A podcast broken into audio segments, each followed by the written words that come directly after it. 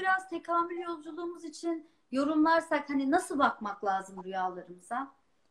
İşte tam da senin verdiğin örnekte olduğu gibi mesela işte deprem, e, değişimle ilgili, şeyle ilgili birbirini tamamlayan konular hani birbirini tamamlıyor bir şekilde tekamül tarafında da. E, eski bilgi bize diyor ki rüyalar sizin için hani haberci olanlardır işte peygamberliğin 46 ilmindendir. E, ruhsal yolculuktaki rehber, e, ruhsal yolculukta rehberliktendir. Çünkü biz size her gece rüya yatırırız. Şimdi hepimiz uykuya geçiyoruz bir şekilde. Demek ki bir alışverişe giriyoruz.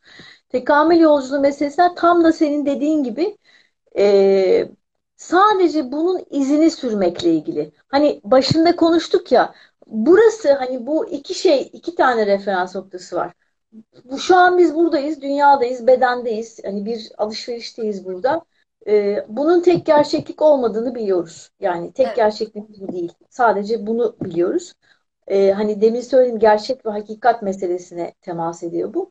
Ve bu da bizim hakikatimizle ilgili. Hani bütün bu yolculuk içerisinde sonrasında ne oldu, ne olacağını bilmiyoruz ama tekamülümüzde şu çok önemli. Hani ben hep şey derim. Madem bu kadar farkındalık için uğraşıyoruz, hepimizin yaptığı işlerde, senin yolculuğunda da bu böyle. O zaman fark ettiğimiz şeyden korkmamak gerek. Hani Evet. zaten neden korkacağız ki? Hani bir tane gerçeklik var. Hepimiz öleceğiz. Hani şeyden bakarsak. Ama ölerek Yaşıyor, yaşıyor muyuz? Hani yaşıyor muyuz? Hani bir var. Hani bir yok oluş ya da şeyle olmadığını, hiçbir şeyin yok olmadığı döngüsünü biliyoruz sadece. Tam da tekamülümüzle ilgili aslında bu noktada. Yolculuk halindeyiz. Hiçbir şey bitmiyor.